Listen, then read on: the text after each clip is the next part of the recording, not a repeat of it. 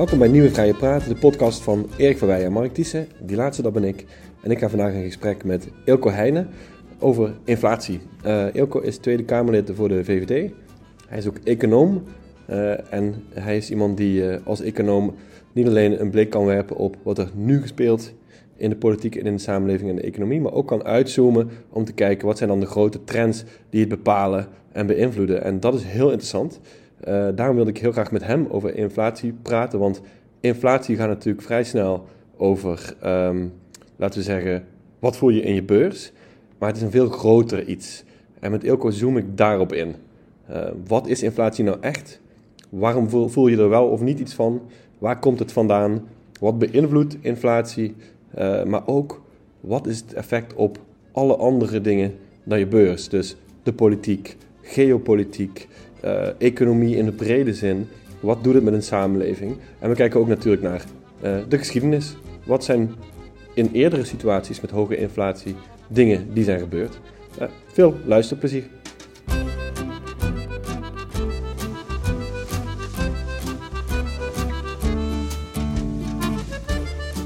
Ilko Heijnen, welkom. Dankjewel. Leuk dat je hier bent. Tweede Kamerlid voor de VVD. En jij houdt je bezig met alle cijfertjes en alle nummertjes en alles wat invloed heeft op, op geld, economie, financiën. Zeg ik dat goed? Ja, ja, formeel is dat dan financieel woordvoerder, maar dat raakt natuurlijk alles van de, van de nationale begroting, maar eigenlijk ook gewoon het hele economisch systeem en het internationale monetaire systeem in Europa.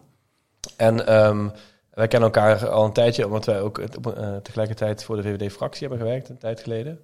Toen speelde de eurocrisis. Dat was ook een grote crisis. Ja, dat is eigenlijk een tijd toen wij binnenkwamen. Als je dat in historie beschouwt, is eigenlijk een vrij unieke tijd. Maar ook, ik weet nog toen, uh, dat wij binnenkwamen en vaak tot nachten op kantoor zaten. En ook met elkaar in de ogen keken en dachten, waar gaat het in hemelsnaam heen? Dat waren ook wel hele spannende tijden. En dat leek toen heel spannend. Maar als ik daar nu op terugkijk, denk ik, oh, dat was echt peanuts. Um, ja, omdat het uiteindelijk goed is gekomen. Ja. Maar uh, als het mis was gegaan, dan hadden we hier niet gezeten. Ja. Maar toch, ja, want, want dan had je de tanks op straat in Griekenland gehad en alles. Uh... Ja, in andere landen zag je natuurlijk die eurocrisis sterker. Je in Griekenland, die beelden ziet iedereen nog voor zich. Maar wat vrij weinig mensen nog weten, is in die tijd van bankruns, dat ook in Londen gewoon een tank voor een bank, een bank stond. Om te voorkomen dat er bankruns uh, zouden komen. En als het echt doorgaat, en er zijn genoeg voorbeelden. Argentinië vind ik zelf altijd een mooi voorbeeld. Ik ben ooit in mijn studie uh, in, het, in het buitenland mogen studeren in New York. En ik had daar een, een roommate een Argentijn. En uh, ik vroeg hem ooit van, ja, waarom ben je hier? Europeanen gingen vaak voor het avontuur. En hij zei, nou ja, heel simpel. Ons land uh, is financieel in de afgrond. En mijn vader was nog de enige die een baan had. En na de, de tweede ontvoeringspoging heeft hij zijn twee zonen naar Amerika gestuurd. Omdat het gewoon niet meer veilig was. Ja. En in zo'n samenleving heb je het dan heel snel over. Ja. En dat zijn we eigenlijk in Nederland, kunnen we dat ons niet meer voorstellen. Omdat we denk ik, nou wat zal het zijn? Vanaf eigenlijk de Tweede Wereldoorlog in een opwaartse economie hebben gezeten. Natuurlijk ook wel heel vaak krimp. En met heel veel baanverlies, heel veel leed. Maar echt een grote financiële crisis, zoals je dat bijvoorbeeld in Argentinië, wat ik net aanhaal, zo'n voorbeeld, kennen we niet. Ja, en uh, dat is echt ontwrichtend in je samenleving. Ja, en um, als ik nou. Je bent tegenwoordig bezig met ook, weer dit soort onderwerpen. Hè? Dus, dus uh, de euro, uh, inflatie, centrale banken, financiële, economische crisis. En als je nou terugkijkt naar die tijd dat je zeg maar, aan de beleidskant zat als medewerker in de Tweede Kamer, is er iets waarvan je zegt daar heb ik echt van geleerd. En dat kan ik nu gebruiken om, om deze situatie weer te analyseren en daar mijn gedachten over te laten gaan. Nou, wat je, wat je sowieso in de politiek zit, hoe ongelooflijk belangrijk het is dat je gewoon kennis van zaken hebt. Het is, uh, er zijn echt heel veel collega's die dat hebben. En dat zijn andere debatten. Maar je hebt ook collega's die dat niet hebben. Die echt op de one-liner, op het Twitter-berichtje, op de krantenkop afgaan. En dat zijn gewoon ja, dat zijn hele andere politieke debatten uiteindelijk die je voert. Dat is, dat, dat is geen debatten meer om tot elkaar te komen, ja. om elkaar te overtuigen. Dat is puur je eigen achterban met uh, platte ja, one-liners proberen te bedienen. Maar daar, ja, daar bereik je natuurlijk helemaal geen uh, zak mee. Ja. En je bent nu twee jaar Kamerlid, iets meer, denk ik? Ja, ja, nu, ja nou nog geen. Oh nee, nee bijna ja, twee jaar. Ja, bijna, bijna twee jaar. ja. En um, je werkt denk ik een jaar of twaalf toch ook al in, de, in Den Haag. Ja. En als je nou kijkt, want je hebt zegt net ook de manier waarop debatten gevoerd worden. Zie je dat daar echt een verandering opgetreden is? Ja, ja ik, ik zie wel echt uh, toen, toen, uh, toen ik binnenkwam uh, in Den Haag. Ik ben begonnen bij het ministerie van Financiën en later overgestapt naar de Tweede Kamer. En dat was al vrij snel was dat een tijd van grote politieke ja, crisis en bezuinigingen die we toen moesten doen. En wat je zag, er was een grote bereidheid om Nederland vooruit te helpen. Dus er waren partijen, ook van de oppositie, die bereid waren een handtekening te zetten onder akkoorden, onder bezuiniging. Omdat ze wisten, als we het niet doen, ja, dan, dan heeft Nederland gewoon een probleem. Niet zozeer mijn partij, maar Nederland heeft dan een probleem. En je ziet die bereidheid steeds kleiner worden. Je ziet uh, de versplintering natuurlijk zie je toenemen. We hebben nu twintig partijen in de Kamer. Ieder heeft zo zijn eigen niche gevonden, die bedient hij. Maar ja, is er niet op uit om zijn basis te verbreden. Um, en de wil om verantwoordelijkheid te nemen wordt steeds kleiner. En de middenpartijen krimpen ook. En het worden er ook steeds minder. En misschien moeten we ook gewoon een niche-partij oprichten. Voor echt een heel bizarre... Ja, we wilden ook ooit een papegaaienpartij, weet je Dat je alleen voor de rechten van de papegaaien opkomt. Ja, ja, dat was ooit ons uh, oorspronkelijke plan. Ja, ja. Misschien één Ik denk dat, dat we onze tijd ver vooruit waren met de papegaaienpartij. ja, laten we hopen dat het nooit zover komt. nou, ik weet niet. um, het onderwerp voor vandaag, en dat is voor mijzelf uh, uh, iets waar ik heel erg naar uitkeek, is, is inflatie. Ik, de werktitel was een masterclass inflatie met Ilko Heijnen. Uh, omdat het voor mij zelf, uh, ik denk voor heel veel mensen, gewoon zo'n ja, complex begrip is. Of misschien anders gezegd, ik denk dat we niet helemaal doorhebben hoe complex uh, het onderwerp is. want inflatie is al vaak, wordt gereduceerd tot je gaat meer geld betalen voor je boodschappen of je energierekening gaat omhoog. En dat is ook allemaal zo. Maar het heeft zoveel meer kanten. Niet alleen op het persoonlijke financiële aspect, maar van, van zeg maar eh, samenleving, tot economie, tot politiek. Het, het heeft overal haakt het zijn tentakels in en doet het iets. Uh, en ik dacht, ik wil heel graag met jou daar eens een keertje over praten. Om het, uh, überhaupt het, het begrip, het, uh, het mechanisme eigenlijk te begrijpen. Hoe het komt, wat je er tegen moet doen, wat, maar ook die grotere gevolgen, zeg maar. Ja, zowel de oorzaken als de gevolgen van inflatie zijn eigenlijk heel complex. Ik denk dat het goed is dat we hier, hier stil gaan staan hoe het komt, waar het vandaan komt. Om ook te begrijpen waar het straks heen gaat. En inflatie, kijk in de eerste plaats merkt iedereen het in zijn portemonnee. Wat je zei het al, de boodschappen worden duurder of mijn tank benzine is een stuk duurder. Dat is inflatie. Maar uiteindelijk als je begrijpt waardoor het komt... Uh, um, en um, de, de gevolgen die het kan hebben op je samenleving, op je economie en eigenlijk de, de ja, gewoon politieke systemen, uh, dan zijn die gevolgen heel groot. En in die zin denk ik wel dat we echt in een, in een nieuwe tijd zijn beland. Ja. Um, nou, laten we maar beginnen dan. Want wat is inflatie? Nou, we zeiden het al. Eigenlijk is het, uh, het, leven wordt duurder. Dat zou de platste samenvatting zijn. Maar meer technisch is het geldontwaarding. eigenlijk als ik terugga naar de allereerste... de, de, de de geregistreerde vorm van inflatie, dat was uh, in het, uh, in het uh, Romeinse keizerrijk nog. Toen een, volgens mij was het keizer Nero, die de, dus een munten van zilver ging, ehm, ja, eigenlijk daar andere edelmetalen voor ging verbruiken. Want zeiden, ja, dan kan ik met dezelfde hoeveelheid zilver meer munten slaan. En dan ga ik meer munten in omloop brengen en dan kan ik allemaal dingen ja, spelen en oorlogen financieren. Maar goed, er komen meer munten in omloop. Ja, wat denk je wat er op een gegeven moment gebeurde? Er ontstond inflatie, het leven werd duurder. Nou, en dat is uiteindelijk wat, uh, wat inflatie is. Dus je geld ontwaart. Het wordt minder waard. En een heel simpel voorbeeldje dicht bij huis. Ik ben zelf aan het sparen voor, uh, voor mijn kinderen, voor hun studie uh, later. Vandaag kwamen de, de nieuwe inflatiecijfers uit. 17% in Nederland. Dus dat is echt, echt ongekend. Ja. maar kerninflatie vind ik belangrijker. Dus zonder energie en voedsel gerekend. Die lag ja. op 7%. Dat is echt ontzettend hoog. En dat betekent, als dat jaar op jaar aanhoudt, dat je over 10 jaar de helft van je geld weg is.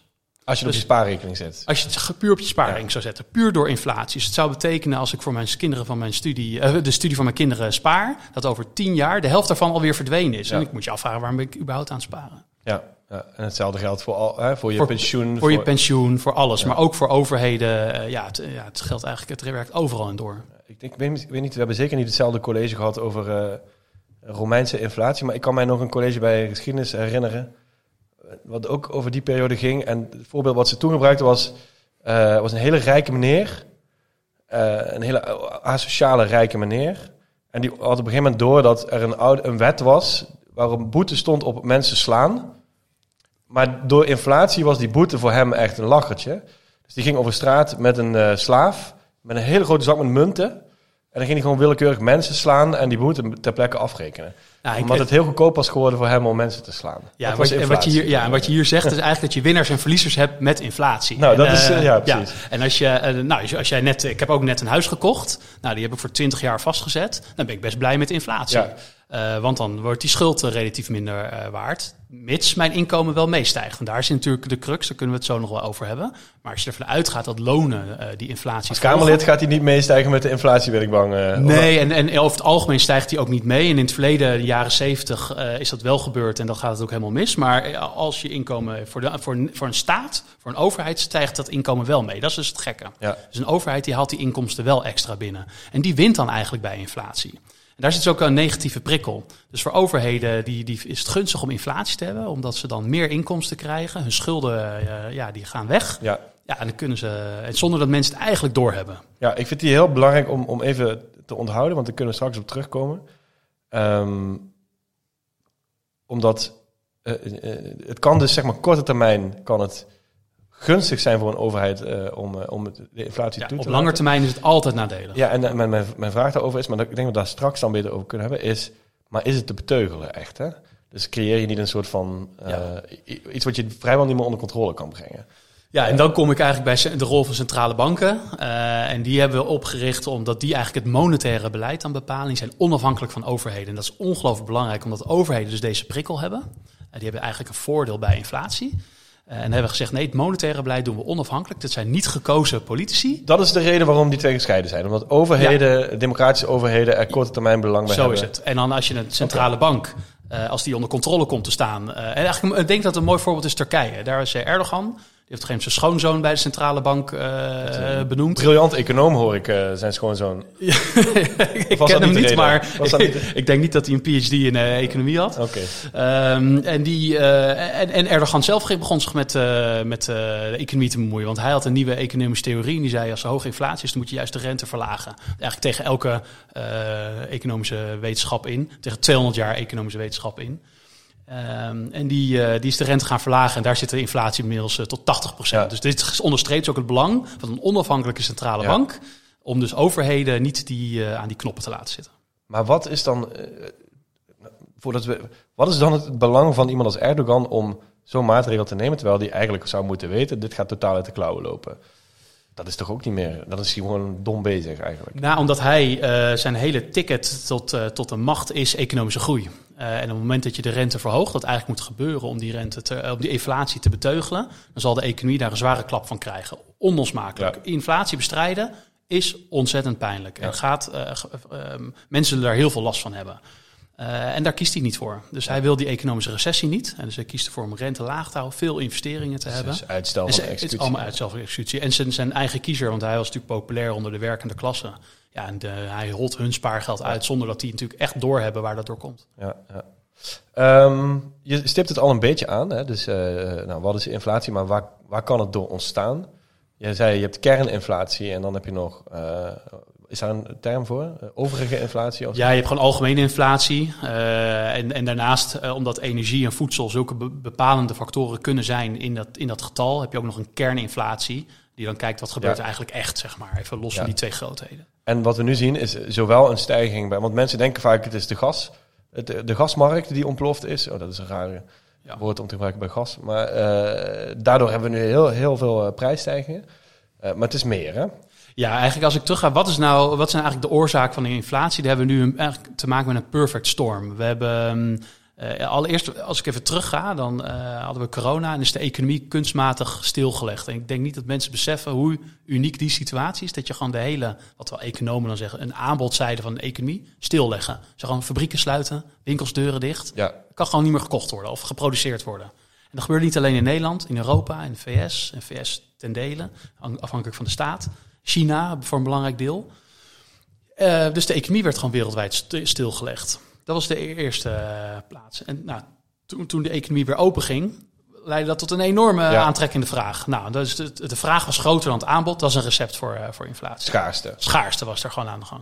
Ja. Vervolgens zag je, ehm had je te maken met die eh, energieprijzen. Die stegen al voor de oorlog in Oekraïne overigens. Dus dat had te maken met te weinig energieproductie op wind op zee. Er lagen energiecentrales stil. Groot LNG ingekocht door China in die tijd, omdat de economie in China booming was. Uh, en Europa had te weinig ingekocht. Dus je zag de gasprijs, of de, ja, vooral gasprijs, zag je erg stijgen. Ja. Uh, en daar kwam volgens de invasie van, ja. van Rusland in Oekraïne overheen, wat natuurlijk die prijzen verder heeft doen exploderen. Maar wat speelde nou op de achtergrond? En dit is echt belangrijk, want dit wordt vaak ook door gewoon gerenommeerde economen ontkend, niet door iedereen. Namelijk dat in de afgelopen tien jaar heeft die Europese Centrale Bank, we hadden het net al over centrale banken, heeft als een gek geld zitten bijdrukken. In het begin voor goede redenen, want we kwamen toen wij de Kamer ingingen, die eurocrisis, dat was eigenlijk het gevolg van de kredietcrisis in 2008. De kredietcrisis was dan weer gevolg van eigenlijk overmatig stimuleren. Dat leidde tot een bubbel in de, in de vastgoedmarkt in de VS. Die knapte, dat sloeg de hele wereld over door hele ingewikkelde financiële producten. En dat leidde in Europa tot een economische uh, euro, een eurocrisis. Ja. De ECB heeft daarin eigenlijk eens als reddende engel opgetreden. Die heeft toen gezegd, we gaan uh, schuld... Draghi. Draghi, met whatever it takes. Ja. Die is een schuld... De bazooka. En de bazooka. Die is toen uh, schuld gaan opkopen. En dat is op zich in die tijd als lenders last resort... kunnen centrale banken dat doen...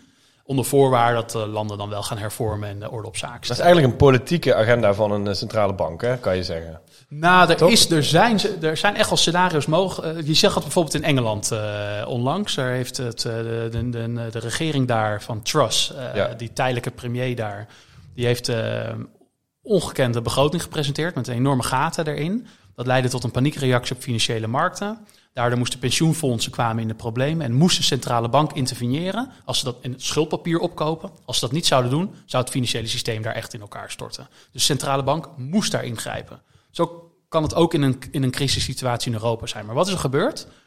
Omdat uh, Europa die schuldpapier ging, uh, ging opkopen, zijn landen minder gaan hervormen in Europa. Dus de onderliggende problemen, Ja. wat heeft geleid tot die eurocrisis, is nooit opgelost.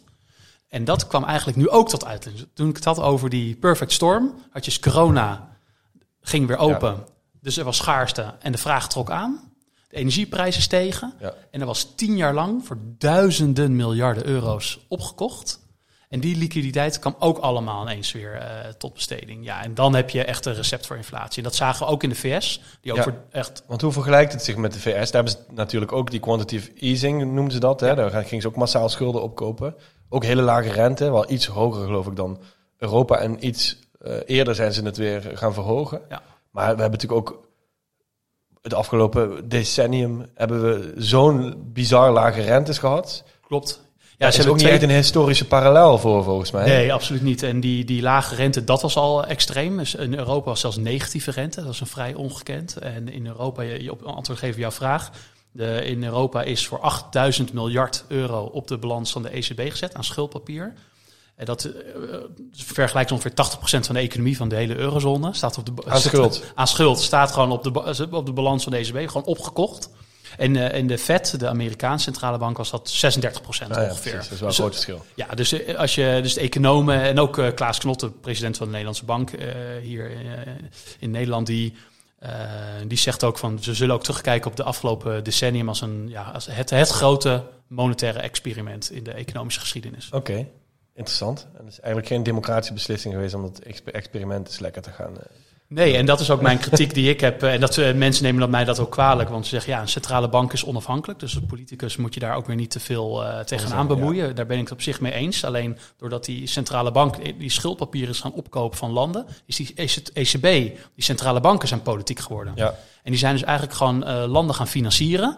En eh, ja, dat heeft ook weer allemaal krachten losgemaakt. Dus je kan kijken bijvoorbeeld naar Italië. Daar hebben eh, best wel gekke partijen, vijf sterrenbewegingen bijvoorbeeld. Die hebben eh, daar gewoon allemaal beloftes kunnen doen. Die eigenlijk economisch helemaal niet kunnen. Ja. Maar dat kon omdat centrale banken gewoon die schulden bleven opkopen. En financiële markten dat gedrag niet afstraften. Zoals je dat wel zag in Engeland gebeuren. ja.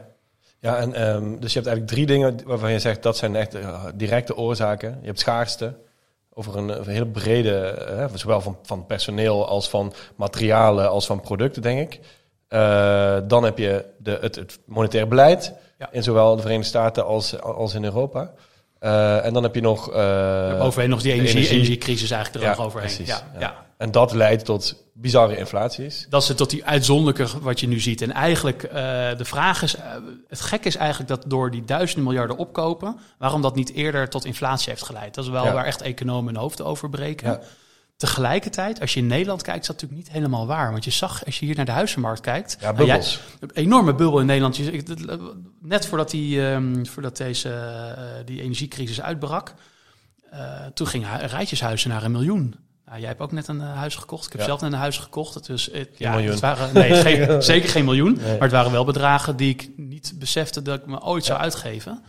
Eh, en toen ik bij een, eh, bij een eh, wat was het, hypotheker kwam en die zei wat ik kon lenen, toen vroeg ik of die gek was. Ik, ja, waar slaat dit op? Maar blijkbaar kan het dus vanwege die lage rente. Maar er lijkt er wel toe dat je het geld gaat lenen. Ja. En die huizenprijzen omhoog stuwen. Maar je zag het ook op cryptobeurzen. Interessant zijpaardje, maar er wordt nu veel gesproken over de stu- studieschulden van studenten. Vanwege het leenstelsel. De helft van die studieschulden, die wordt door studenten belegd. In crypto's. En veel in crypto's, Jesus maar ook Christ. gewoon in financiële producten. Dus dan kijken Ja, we ja. naar de staartjes en dan zeggen we... ja, de schulden van studenten lopen op. Maar heel veel studenten zeggen... ja, maar ja, eh, geld is gratis. Ja. Ik betaal er 0% Ja, ja, ja. rente over. Ja, en als ik het beleg... van hoor, dat ik dat niet gedaan heb. Ja, en die, en die zeiden, ja, nou ja, het hangt vanaf. Nu zijn ze de sjaak, want eh, nu, nu, nu is die bubbel geklapt en die crypto je stort moet, in elkaar. Ja, je moet natuurlijk niet in, dat is dan op jonge leeftijd misschien eh Ja, dus aanlokkelijk om het in de hoogste rendementen te stoppen. Maar je moet het natuurlijk in rendementen stoppen die iets hoger zijn dan de, dan de rente die je Als je betaalt. in een keurige indexfunctie had Van gedaan. 4% Ja, en dan ja. zit je... Maar goed, dat is misschien iets te diep Ja. Maar dat vertekent dus ook wel weer de sta statistiekjes, zoals je zegt. Er zijn hoge schulden. Ja, ja, ja. Hey, en ehm, ehm, als je nou... Oké, dus, dus, dus we zitten in een uitzonderlijke situatie misschien. Maar we zitten nou eenmaal wel in die situatie. Het is gebeurd. Eh, heel veel van die dingen had je misschien... Je, moet, je moet ook geen Captain Hindsight zijn, hè? Dat je nu zegt, ah, ja, dat we Ik toen had het altijd al gezien. Ja. Maar je had wel dingen kunnen zien, hè? Ja, nou, in Nederland zag je dat dus al. En op die huizenprijzen Ja. zag je het al gebeuren. Je zag het, maar je zag het ook in de VS hoor. Als je kijkt naar die techbedrijven. Die gingen echt naar ongekende records. Die storten nu allemaal in. Hè? De Amazons, eh, de, de, de Meta's. eh, De koersen, hè, storten in. ja, dus wat je zag is door die enorme opkoop van die centrale bank komt er enorm veel liquiditeit. Maar dat vond dus niet echt zijn weg naar de reële economie. Dus gewoon naar hogere inkomens eh, van gewoon normale mensen. Maar het ging dus allemaal naar die, eh, naar die aandelenbeurzen. Ja. Dus je zag, en dat ging bijvoorbeeld naar die techbedrijven. Dus een enorme bubbel op die techmarkt Ja, eh, die zag je ontstaan. Je zag het op huizenmarkt ontstaan. Ze hebben enorme bubbels gecreëerd. Ja, en nu is de vraag, gaan die klappen? Of gaan we straks gewoon weer lekker doorstimuleren? Ik kan je zeggen dat de lage rentes van centrale banken eigenlijk eh, een veel te groot effect hebben op inkomensongelijkheid. Of niet inkomen, op vermogensongelijkheid eigenlijk. Want als je terugkijkt, ook in de jaren 90 was volgens mij hetzelfde. Eh, op het moment dat dat soort bubbels ontstaan door lage rentes, komen die niet terecht, zoals jij eh, ook al zei volgens mij, bij mensen met een, met een lager of middeninkomen. Dat wordt gewoon gepoeld ergens in de, in de hoge. Ja, dit is, dit is een goede vraag. De, het CBS, staat er al over de statistiek, presenteerde vorig jaar, was dat geloof ik, een, of nog begin dit jaar, een studie die zei dat de, vermogensongelijkheid is afgenomen als gevolg van de lage rente. Maar dat kwam voornamelijk door de huizenprijzen, omdat mensen op papier rijker werden omdat Ja. hun huis in waarde steeg. Maar dat is natuurlijk niet echt geld wat je bezit, ja, tenzij je verkoopt. Maar ja, je moet ergens wonen, dus het volgende huis dat je koopt is natuurlijk ook duur. Dus dat is niet echt geld wat je hebt, maar je hebt gelijk.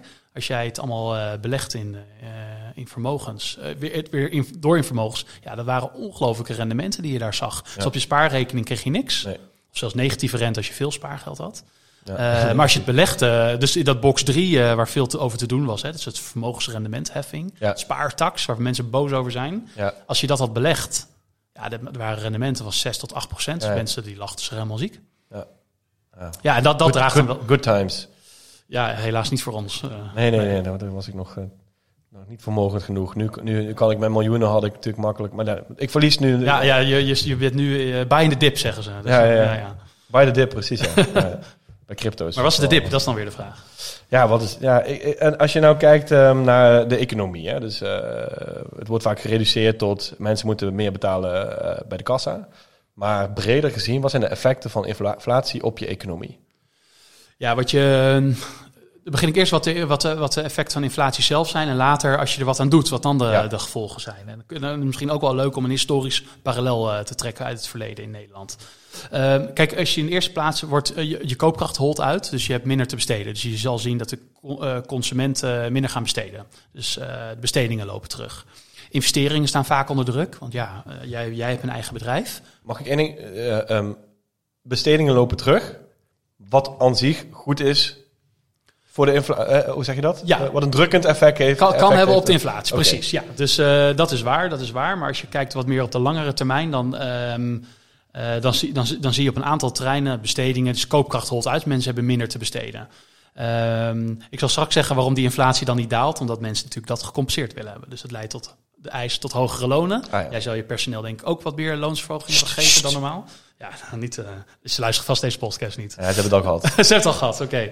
Ehm, eh, dus de deels compenseert dat weer. En dat leidt natuurlijk structureel tot hogere inflatie. Op die lonen omhoog gaan. En dan staat die koopkracht weer onder druk. Dan moet die lonen weer omhoog. Nou, et cetera, et cetera.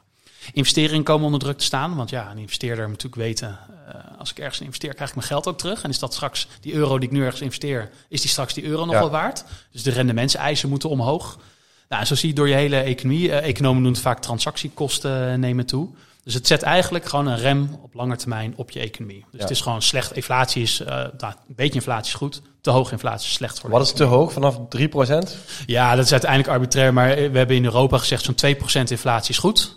En alles Ja. daarboven wil je niet. We hebben er heel lang onder gezeten, hè? Dat is natuurlijk ook Exact. Ja, we hebben heel lang in, in echte onder gezeten. En dat is ook de reden van de centrale banken om die geldpersen aan te zetten. Ja.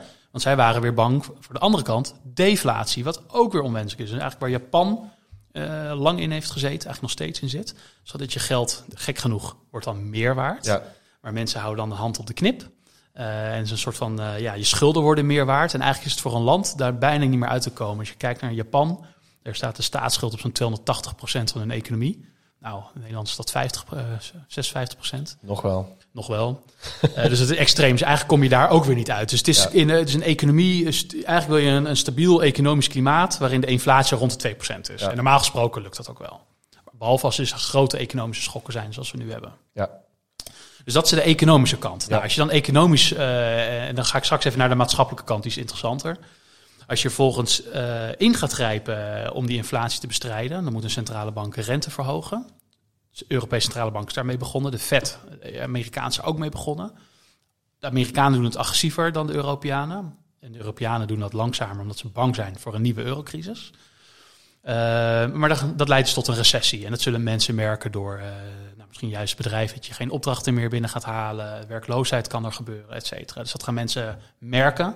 Dus de inflatie bestrijd je echt alleen met een paardenmiddel. Eh dat is echt, eh, dat is gewoon, eh, En daar bedoel je mee gewoon in één keer... een inflatie moet je gewoon de vraag afremmen. En dat doe je door rente te verhogen en, en eigenlijk een soort van ja, je economie bewust te remmen. En dat leidt dus tot een recessie. Als je zegt paardenmiddel, dan, dan hoor ik ook... Je moet het gewoon in één keer zo hard... Ja. Ja, en dat, en dat doen de Amerikanen. Die gaan Ja. dus echt die grijpen hard in. ja. Want wat ontzettend belangrijk is in inflatie is de verwachting wat de inflatie wordt. Want daar stel jij je op in. Nou, als ik denk dat volgend jaar nog steeds 17% inflatie is, staat je personeel weer aan de deur te kloppen. Je zegt, ja, die loonsverhoging was niet, geno- niet genoeg. Dus centrale banken moeten de inflatieverwachtingen managen. Moeten dan hard ingrijpen. Nou, die Amerikanen doen dat, Europeanen niet. Die hebben heel lang gewacht. Ze hebben ook ontkend eigenlijk, hè? Ja, eigenlijk heel Ik lang vaak, ze... het is tijdelijk, Ja. het is tijdelijk, het is tijdelijk. En dan kan je natuurlijk over die energieprijzen wel zeggen. Maar Ja, over niet die alleen de centrale banken, ook, ook bankeconomen. eh, politici hebben het ook. Politie, die, eh, ja, want niemand is dus gebaat. We hadden net voor, voorbeeld van Erdogan, dat is wel heel extreem. Maar rente stijgen en dat leidt tot een recessie. Niemand is daarbij gebaat. Banken, de hoofdeconomen zeiden ook, joh, het is tijdelijk. eh, Politici, stop met eh inflatiehysterie. Ook banken hebben profijt bij het eh, Ja. beleid dat er nu is. Van het opkopen van lage het schuldpapier. rentes. En, eh, Lage rente, nou, lage rente is een beetje, maar voornamelijk het opkopen van dat schuldpapier, wat de centrale bank doet. Waarom En- hebben banken daar baat bij? omdat ze het kunnen dumpen, dat eh, papier. Dus een bank kan, eh zo'n It- Italiaanse bank kan eh, staatsschuld van hun overheid eh, kopen. Maar weet natuurlijk, ja, Ja, die, een die overheid is waardeloos. Ja, En dan oké. verkopen ze het lekker door de centrale bank. En dan staat het risico eh, niet meer bij hen. Ja. Dus dat eh, is gewoon een verdienmodel geworden. Dus dat is eh, wat, je, wat je economisch ziet gebeuren. Maar maatschappelijk is het natuurlijk veel interessanter. En ehm, als je kijkt naar de hoge inflaties, dan zijn eigenlijk alle ehm, ja, revoluties zijn voorafgegaan aan grote geldontwaardingen. Mensen Ja. die hun bestaansrecht onder druk stond. En Ja. vaak is dat gewoon geld. Dus gewoon, ik kan niet meer voor, voor mijn gezin zorgen. Eh, je bedrijf gaat failliet. Of eh, ja, ik heb gewoon, kan niet meer eten. Of kan niet meer wonen. Dat is natuurlijk existentieel. Ik vertelde ik, aan het begin van de podcast over die Argentijnse jongen. Dat gewoon je als vader je kind naar een ander land moet sturen. Gewoon je zoon, omdat hij gewoon ontvoerd wordt. Ja. Dus het is maatschappelijk ontwrichtend. En je zag het, ik denk het beste voorbeeld in, in Europa was de hyperinflatie in Duitsland. Na de Tweede Wereldoorlog, door de herstelbetalingen. Gewoon de Duitse staat is geld bij gaan drukken. Leidde tot hyperinflatie. Eh, maar ook eh, China is nu veel nieuws. Eh, de, veel weinig, weinig mensen zullen dat weten, maar dat de, studentenprotest op de Plein van de Hemelse Vrede met de Tankman. Dat- Iedereen herkent dat beeld nog. Er ging een historisch hoge inflatie aan vooraf. Ja. Dat was toen ook zo'n 18% waar Nederland eh, nu in zit. En daar zit natuurlijk veel spanning in. Mensen worden er bloednerveus van eigenlijk. En, eh, ja, en als je dan ook nog een onderdrukkend regime hebt of dergelijke, dan, eh, Ja. dan zijn de apen gaar natuurlijk. Nou, en, maar je zag ook de Arabische lente. Dat begon ook bij koopkracht die onder druk stond. Mensen kwamen niet meer rond. schaarste. Schaarste graanprijzen stegen rap. En dat leidt tot ex- explosieve situaties. Dus dat is uiteindelijk wat je maatschappelijk ziet gebeuren. Ja, en dat raakt dus aan je, aan je politieke systeem ook, hè? Ja, en dat zie je nu, eh, als je kijkt nu dichter bij huis, heb je nu ook hoge inflatie. Eigenlijk heel gek dat in Nederland eh, de straten gewoon heel rustig zijn. Dat mensen, eh, ik denk dat het gewoon een heel rijk land zijn. Dus die eerste, en we compenseren veel als Ja, en overheid. voel je het nu al als Ik denk dat veel mensen het niet voelen. Nog deel- niet. Nog niet. Ze hebben wel een energierekening, maar wordt grotendeels gecompenseerd. Door natuurlijk een heel, omdat we een heel rijk land zijn. Eh, en Nederland zijn ook zelf heel veel rijk. Dus ze kunnen eh, met een buffertje eh, om op te vangen. Maar als je kijkt bijvoorbeeld in Parijs, eh, daar waren al grote protesten. Maar je zag het dit weekend weer in Praag. Tienduizenden, volgens mij maar 130.000 man op straat om te protesteren. En wat zag je daar volgens gebeuren? De populisten, de flanken, die kapen eh, Ja, ja. dit. Want die zeggen natuurlijk, ja, het komt door de NAVO, het komt door de EU, eh, het komt door de sancties tegen Poetin. Dus in Oost-Europa zie je die flanken, die pro-Russischer zijn, die inflatie gebruiken voor een Ja. politieke agenda. eh, die massa's daar tegen opzetten. Eh, ja, dat zie, dat zie je dus nu gewoon gebeuren. En dat is precies die, die, die agenda ook van Poetin. Die zegt, van, ja, ik gooi die gasprijs omhoog. En ik hoop dat dat tot maatschappelijke onrust leidt. Ja. En landen in opstand komen om die sancties te verlichten. eh, om ja, uit de EU te stappen of uit de NAVO te stappen. De laatste, de meest recente verkiezingen in Europa hebben ook geleid tot overwinningen voor extreem rechts, volgens mij. Hè? In Italië en in Zweden. Ja. Oh, niet, in Zweden hebben ze niet Niet extreem, gewonnen, maar, wel. Ja. in, de, in de regering gekomen. eh, en het goed gedaan bij de verkiezingen. Dus je ziet... eh, Dit de is hoog- mijn grote angst bij inflatie. Hè. Het gaat uiteindelijk gewoon om systemen. eh, Het leidt sowieso tot een politieke reactie. Dus, en dan is natuurlijk de vraag wie aan de macht is en wie dan voor wordt afgerekend. Maar het leidt dus ook vaak, we begonnen aan deze, en ik denk dat de luisteraar dit ook hoort, hoe ongelooflijk complex dit vraagstuk is. Ik Ja. gebruik al hele moeilijke termen.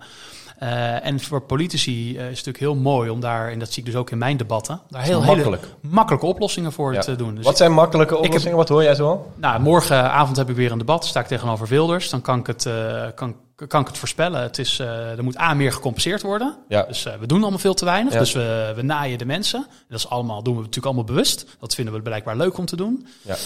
En eh, de sancties zijn allemaal eh, stom. Sancties tegen, tegen Poetin. Ja. Dus die moet, of tegen Rusland moet ik zeggen. Dus die moeten we allemaal eh, verlichten. Ze moeten stoppen met de sancties. Dat zie je Baudet ook eh, roepen. Het Ja. Forum voor Democratie. En uiteindelijk is het natuurlijk allemaal de schuld van Europa en de EU. Dus we moeten ook uit de EU. Dus Ja. hij ziet nu met die hoge inflatie en de onzekerheid bij mensen, zie je hem dus nu weer proberen te cashen op die onvrede, op die angst. Door, hij ziet hem nu ook twitteren, ik word de volgende premier, ik ga, het gaat mij lukken. Eh, en op deze angst is hij weer zijn agenda aan het bouwen. Ja, ja. En wat zegt het over, onze, over waar wij staan zeg maar, in, in, on- in de geschiedenis? Als, eh, als eh, laten we zeggen, het Westen of, of Europa. Ja. Een situatie waarin je dus hele hoge schulden hebt opgebouwd. Eigenlijk ook le- leeft op geleend geld, hè, grotendeels. Ja. Of op, op goedkoop geld. Ehm, zegt dat iets over waar je staat als... eh, Ja, ik Als denk macht? het wel. Ja, kijk, ehm, kijk, in de Verenigde Staten is de staatsschuld nu, eh, volgens mij zit hij nu rond 120, 130 procent. De laatste keer dat zij dat hadden was de Tweede Wereldoorlog. Het is echt ongekend. voor de Tweede Wereldoorlog. Voor de Tweede Wereld. Nee, ga, ja, als gevolg van De- de, de, de Tweede Wereldoorlog, de kosten die je daarvoor maakt, is hun staatsschuld toen gestegen tot het niveau waar ze nu staan. Ja. Het niveau is echt ongekend. Nederland is uitzonderlijk hoe laag hier onze staatsschuld is. Maar als je om ons heen kijkt, overal boven de 100, 100%. De Griekenland, waar wij onze podcast mee begonnen, zit gewoon weer op 200%. Italië op 140%. Eh, het is wereldwijd. Ik heb eh, ter voorbereiding deze podcast er even op nagekeken. Maar de schulden wereldwijd zijn op 300.000 miljard ja, dollar. heb ik niet. Nee, nee, ik heb een fractie daarvan niet. Maar dat is ongelooflijk hoe wat een opbouw aan schulden er is. Dat zit in, dat zit in eh, opkomende landen die veel hebben geleend vanwege het gratis dus. geld. Het is niet alleen de westerse... Nou, om, je, het, de afgelopen decennia het lage rentebeleid en het goedkope geld Ja. van, van twee grote eh, economische machten, Europa en de VS. Dat geld gaat natuurlijk de hele wereld over. Dat is niet alleen in Europa, eh, slaat dat neer, of in de VS. Dus dat ging naar eh, opkomende landen, lage inkomenslanden, die helemaal zijn volgestopt met, met schulden. Die daar nu, ik denk dat er een grote schuldencrisis gaat aankomen. IMF waarschuwt er ook van, de Wereldbank, onder lage inkomenslanden. Ehm, in China zie je dat veel groei is gekocht op uh, ook vastgoedbubbels, op geleend geld. En in Europa eigenlijk ook. En jouw vraag was, waar staan we dan uh, eigenlijk als, als Westen? Wat je ziet is uh, economische groei. dan moet je eigenlijk terug naar waar je, wat economische groei is. Economische groei is, heeft verschillende bronnen. Het kan zijn dat meer mensen gaan werken, aan de slag gaan. Kan zijn dat de mensen die werken meer uren gaan werken of dat we slimmer gaan werken. En wij hebben een enorme boom gehad in onze tienertijd, in de jaren negentig. En wat zag je toen gebeuren in Nederland? Gingen meer mensen werken, dus vrouwen gingen massaal werken. En we gingen slimmer werken. Dus uh, veel technologie kwam uh, in opmars. En daarnaast de val van de Berlijnse muur, grenzen gingen open, Nederlands exportland profiteerde daar ook enorm van. Dus we hebben hoge economische groei gehad. Dat is, dat is eigenlijk wat ik, wat ik noem goede groei. Gewoon gezonde groei. Door meer mensen, door productiviteitswinst, uh, door meer te exporteren. Maar wat je uiteindelijk ziet, is dat groei onder druk komt te staan. Alle mensen zijn op een gegeven moment aan het werk. Dus alle vrouwen werken. We, uh, ja, je, je, je, je kan niet meer mensen aan het werk zijn. Ja, je kan nog migratie. Kan je nog meer migranten binnenhalen. Dus dat zie je in VS veel gebeuren. Um, in Europa halen we ook veel migranten binnen, maar die werken niet. Omdat we echt kansarmere migranten zijn. Uh, helaas. Maar daar, uh, daar kan dat, dat is dan nog je laatste bron van groei. Nou, dan kan het nog technologie zijn. Ja. Dus daarom wordt er zoveel geïnvesteerd in technologiebedrijven. Dat ze hopen dat dat de laatste bron van groei is. Maar technologische groei, historisch, leidt tot ongeveer anderhalf procent groei. Als je kijkt over de, op de lange termijn. Maar landen willen veel meer groeien. Anderhalf procent vindt iedereen te weinig. Nou, wat kan je dan doen? Geld lenen. Ja. Dus gewoon geld bijdrukken, geld lenen. Ja, want, maar, want dat, Hoge begrotingstekorten. Je financiële sector groeit dan vooral, denk ik. Of zo. En dan, dat zie je terug in groeicijfers. Hè? Dat is ook het argument om de financiële sector uit de groeicijfers te halen, denk ik. Dat is een soort van... Ja, daar kan je het Niet zien, maar je ziet het. Ik denk dat, dat we vooral de zorgen moeten hebben over landen met een grote begrotingstekort en daardoor gewoon eigenlijk uh, aan een bevolking uh, beloftes doen die ze eigenlijk niet Ja. waar kunnen maken. Dus boven hun stand leven. Als ik dan bijvoorbeeld naar Italië kijk, die heeft een vrij uitgebreid pensioenstelsel. Maar dat kunnen ze helemaal niet betalen. En wat doen ze? Hoge begrotingstekorten om die schulden maar, om die eh, pensioenen maar te kunnen betalen. Ja. En, en dan ga je, leef je dus eigenlijk boven je stand, boven de groei die je hebt. En dan doen ze in de hoop, dat zeggen ze allemaal, een beetje Keynesiaanse economen zeggen nee, geld lenen is niet erg, want in de toekomst leidt het tot meer groei. Ja. Maar als je het investeert in wegen, in onderwijs, et cetera, dan, komt het, hè, dan kan het terugkomen. Natuurlijk wel Maar het gaat vorm- vaak naar consumptie. En dat, dat zie je nu in de westerse wereld gebeuren. Het de consumptie aanwakkeren. is allemaal consumptie. Dus we gaan mensen dingen beloven. Maar het is natuurlijk in de, in de historisch gezien is er wel één, één technologie, zeg maar, die eh, gigantische economische groei kan eh, veroorzaken. En dat is energieomwentelingen. Hè? Dus als je van eh, de ene energiebron naar een efficiëntere kan omslaan, dan krijg je ineens een soort van eh, industriële revolutie gebaseerd op. Ja, de kolen was in onze industriële revolutie natuurlijk. En, dat je, en dan kan je meer produceren. Dus je kan ineens eh, ja, je kan stoomlocomotieven laten rijden. Dus je Dus- kan mensen sneller. Nu ligt er toevallig een soort van energietransitie op de loer. Ja. Is dat dan hetgene wat ons misschien kan... Als je je geld zou willen investeren om, om groei uit te lokken... dat dat de sector is waar je het zou moeten doen? Dat je echt, eh, echt die overgang naar een, een, goedkope Ja, vorm van energie kan eh, zetten? Ja, ik denk het wel. Ik denk dat je. eh, dit- dit, hoor ik ook vaak in de Kamer. Hè. Dan zeggen ze: ja, er is een klimaatfonds. Dat moet je nu gebruiken om de koopkracht van mensen te verbeteren. Maar ja, wat denk je? Dat, dat fonds is dan een keer leeg. En Ja. dan zitten we nog steeds zijn we afhankelijk van gas. eh, met alle prijsschokken van dien. Dus ik, ik denk dat je helemaal gelijk hebt. Je moet juist nu. Je moet beide doen. Dus je moet eerst natuurlijk mensen helpen de, de eerste klap op te vangen. Maar als je dan geld nu investeert, doe dat alsjeblieft in je energietransitie. Dus A, gewoon goed voor je land. Schonere lucht. eh, nou, dan kan je alle voordelen. Kan je gewoon een beter klimaat, een betere wereld. Maar als onafhankelijkheid van je land en als Westen als geheel moet je nu gaan investeren, vooral Europa. Amerika is nog wel energie onafhankelijk, omdat ze veel fossiel, Fossiel energie hebben. hebben. Eh, maar Europa, ja, ga alsjeblieft investeren in, eh, ja, ik zou zeggen kerncentrales. Dat is natuurlijk wel controversieel nog. Maar dingen als waterstof, eh, dat is denk ik minder controversieel. Ja, daar moet je echt in gaan investeren Ja. eh, om energie onafhankelijker te worden. Eh, en als je daar meer energie uit kan halen, als het ook nog eens goedkoper wordt, ja, dan kan je echt aan de vooravond staan weer van een nieuwe boom. Maar ik denk dat we daar nog niet zijn. Ik denk Nee. dat we eerst nog door een Het duurt dieper- tien jaar, hè, minimaal. Ja, en we staan op zo'n schuldenberg op dit moment, Ja. dat ik me daar wel heel veel zorgen om maak. Ja. Ehm, tot slot, wat moeten we doen om het tegen te gaan? Nou, wat je, wat je zal zien is dat eh, centrale banken gaan proberen nu hun rente te verhogen om die inflatie tegen te gaan. Ik, mijn inschatting is dat ze, ehm, de inflatie ehm, snel wat gaat dalen en dat dat gelijk aanleiding is om te stoppen voor centrale banken om agressief beleid te voeren om die, om die eh, inflatie te bestrijden. Ik denk In dat Europa, centrale ja, bank. ik denk voornamelijk Europa. Ik denk dat je, wat je dan zal zien is dat iedereen denkt, nou kijk nou, het is opgelost. En dat je vrij snel een nieuwe piek zal gaan zien in de inflatie door een nieuwe schok. Eh neem, eh, het kan zijn dat China Taiwan binnenvalt en de hele eh, semi-computerindustrie in elkaar dondert. Dan heb je een nieuwe scho- economische schok. Zal weer leiden tot nieuwe inflatie.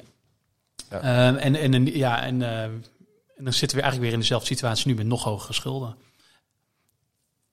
Leuk. Ja, daarom ram ik er zo op als, als Kamerlid. Om de- het belang is dat je die schulden gaat afbouwen op gezond financieel-economisch beleid. Want ik vrees dat anders eh, populisten echt enorm van dit decennium gaan cashen met hun agenda's. En ik denk als overheden in Europa nu wel die pijn pakken. eh, goed investeren, dus in energieonafhankelijkheid, in verduurzaming, in eh, hun infrastructuur en alles wat groei oplevert. Dat je dan wel, dan ben ik heel optimistisch, dat je aan vooravond kan staan aan echt een, een nieuwe, nieuwe boom. Waar zit nou het verschil tussen de Verenigde Staten en, en Europa op dit gebied? Hè? Want als ik ook terugkijk naar hoe de Verenigde Staten destijds die schuldencrisis, eh, of dat, was, dat heette daar anders, in Europa was het natuurlijk schuldencrisis, daar was het financiële crisis. Eh, zij zijn daar Ze pakken de pijn veel, heftiger ingegaan Ja, ja. bij de bestrijding. Inderdaad, de pijn heel hard pakken. Ja. En die gingen dus ook al veel sneller naar groeicijfers weer. En. Europa zie je, eh, zie je nu eigenlijk hetzelfde doen als toen. Namelijk veel langzamer en geleidelijker die beslissingen nemen, opvoeren. En in de Verenigde Staten zitten ze nu al op, wat is het, 4%, eh wat was het Ja. ook weer, de rente? In, Klopt. in de ja- begin jaren 80 eh, eh, had je eenzelfde situatie met, met inflatie. Toen had je daar Paul Volcker in de, bij de centrale bank. Die ging gewoon boven de 10% geloof ik zitten met rentes. In, in een paar stappen. Klopt. Dat zie ik in Europa niet zo snel gebeuren. Hè? Nee, dat durven we niet, omdat we ontzettend bang zijn dat dan landen als Italië omdonderen. Dat is het. Dat, ja, dat is uiteindelijk waar mensen ontzettend bang voor zijn. En, eh, en ook, maar niet Geen alleen Italië. irreële angst natuurlijk. Het is geen irreële angst. Nee, absoluut niet. Eh, en, en wat denk je wat er dan gebeurt op dit continent? Dus als, je, als we hard nu als we hard zouden ingrijpen, als we eigenlijk zouden moeten doen, komen landen als Italië, maar ook in Frankrijk, eh, maar veel meer in Spanje, Portugal, gewoon eigenlijk heel Zuid-Europa. Ik denk dat je de euro echt op het spel gaat zetten. Nederland ook inmiddels of nog niet? Nee, nou ja, uiteindelijk als tweede orde, omdat natuurlijk al die effecten ook Nederland raken. Je pensioenfondsen, je, je financiële systemen en dergelijke. Maar uiteindelijk eh, houdt iedereen zich vast aan die hoop, het is tijdelijk, die gasprijzen gaan, Ja. gaan dalen. Maar de onderliggende problemen, dat is ook mijn boodschap, de onderliggende problemen, de enorme schuldenberg, die raakt niet opgelost. Wordt alleen maar groter. hè? Die wordt alleen maar groter. En, eh, ja, en als we dat niet oplossen met elkaar, dan zie ik het een beetje somber in. Ja. Dank, ik snap het een stuk beter. ik hoop het. ik hoop dat jij ook le- leuk vond om de kans te krijgen om het eens een keer uit te leggen. Ja, dat is goed. Bij de volgende infla- inflatiecrisis. eh, Over twee jaar schuldencrisis of Ja. weet ik veel wat voor crisis. Dankjewel. Dankjewel.